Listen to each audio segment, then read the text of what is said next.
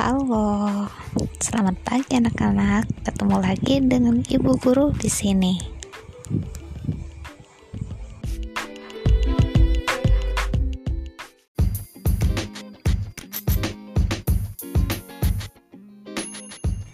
Hari ini kita akan belajar tentang bagian-bagian tumbuhan.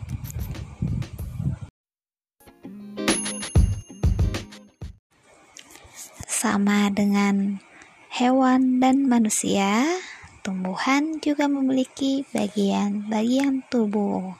Apa saja bagian tubuh tumbuhan?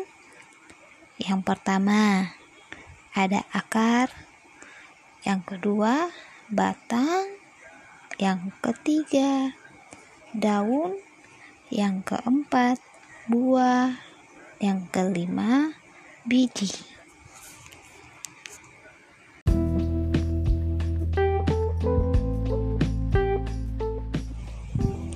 Baik, anak-anak, sekian dulu materi kita hari ini.